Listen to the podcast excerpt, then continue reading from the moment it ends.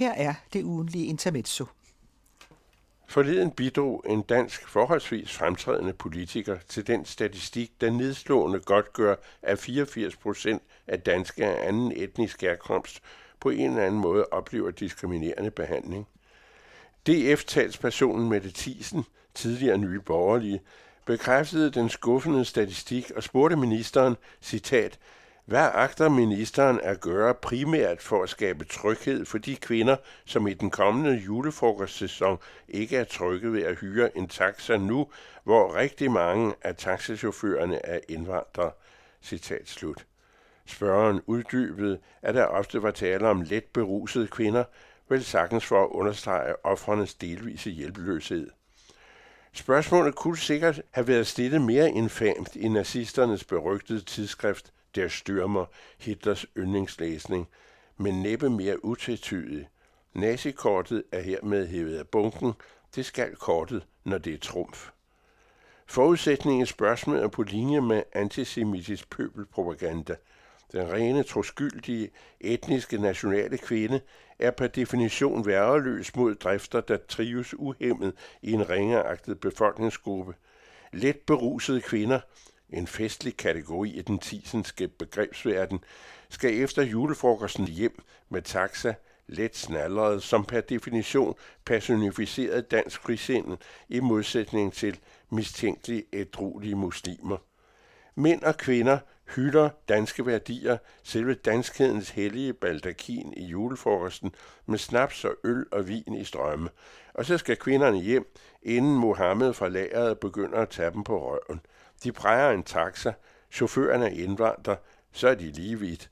Om det er Mohammed i kopirummet eller Mohammed i taxaen kommer ud på det samme – den skinbarlige voldsetnicitet i taxaens lugende førersæde forgriber sig selvfølgelig på den danske kvindelige landsmand på bagsædet og kører siden dette misbrug til et øget sted, hvor det muslimske broderskab i afventning af leverede hjælpeløse danske kvinder efter julefrokosterne i hele landet er forventningsfuldt forsamlet til en rask omgang gruppevoldtægt, et motiv Tisens parti ofte har mangfoldigt gjort. Ministeren afviste begribeligvis Tisens påstand som vås.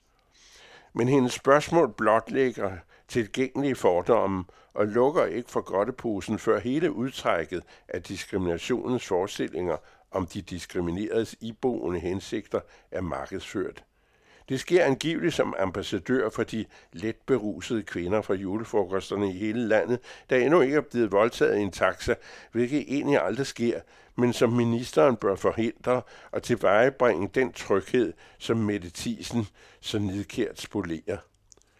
Statsministeren beskyldte jo forleden en journalist for historieløshed på et spørgsmål om konflikten i Mellemøsten – Statsministerens postulat indgik rigeligt i hendes egen ufuldstændige offentlige forestilling om krigsårsagens udelukkende ene historiske adresse. Mod Mette Thiesen kan man roligt med rette ty til historieløshed som skilsord. Over for en konkret branche at udstyre udøverne uden for majoriteten med kriminelle egenskaber, æltet ind i et tåbeligt spørgsmål om en ellers tillidsvækkende dansk servicesektor anslår takslaget i antisemitismens vrængende marsmelodi. Få offer for angreb af den art kan som i andre etniske fordomme vendt mod eksempelvis muslimer af gode grunde træde frem og imødegå almene beskyldninger, end sige en så redsom kollektiv anklage som fremsat af en person solidt placeret på Folketingets kommunikationsplatform talerstolen, Herfra kan nemt mobiliseres andre med lignende ubeviselige påstande om etniske funktionærer til hverdag af fest. At vende sig imod Tisens svedende beskyldning er det samme som at anerkende præmissen og godkende spørgsmålet.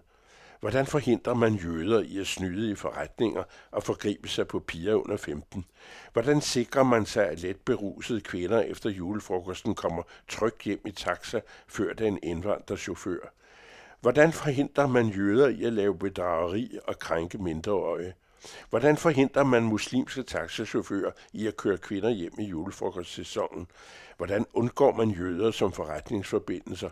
Hvordan undgår man muslimske taxachauffører, der åben ikke uden spørgsmål til ministeren, fatter, at danske chauffører af egen avl skal køre berusede kvinder hjem i juledagen.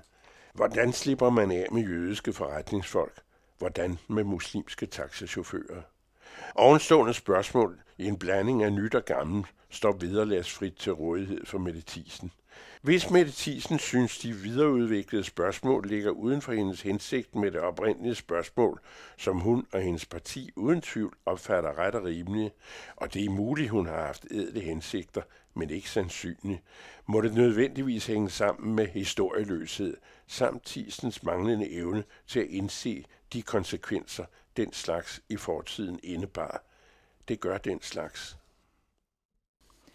Vi hørte Georg Metz, der altid indlæser intermezzo til den anden radio og skriver det til sin faste klumme i Information hver fredag.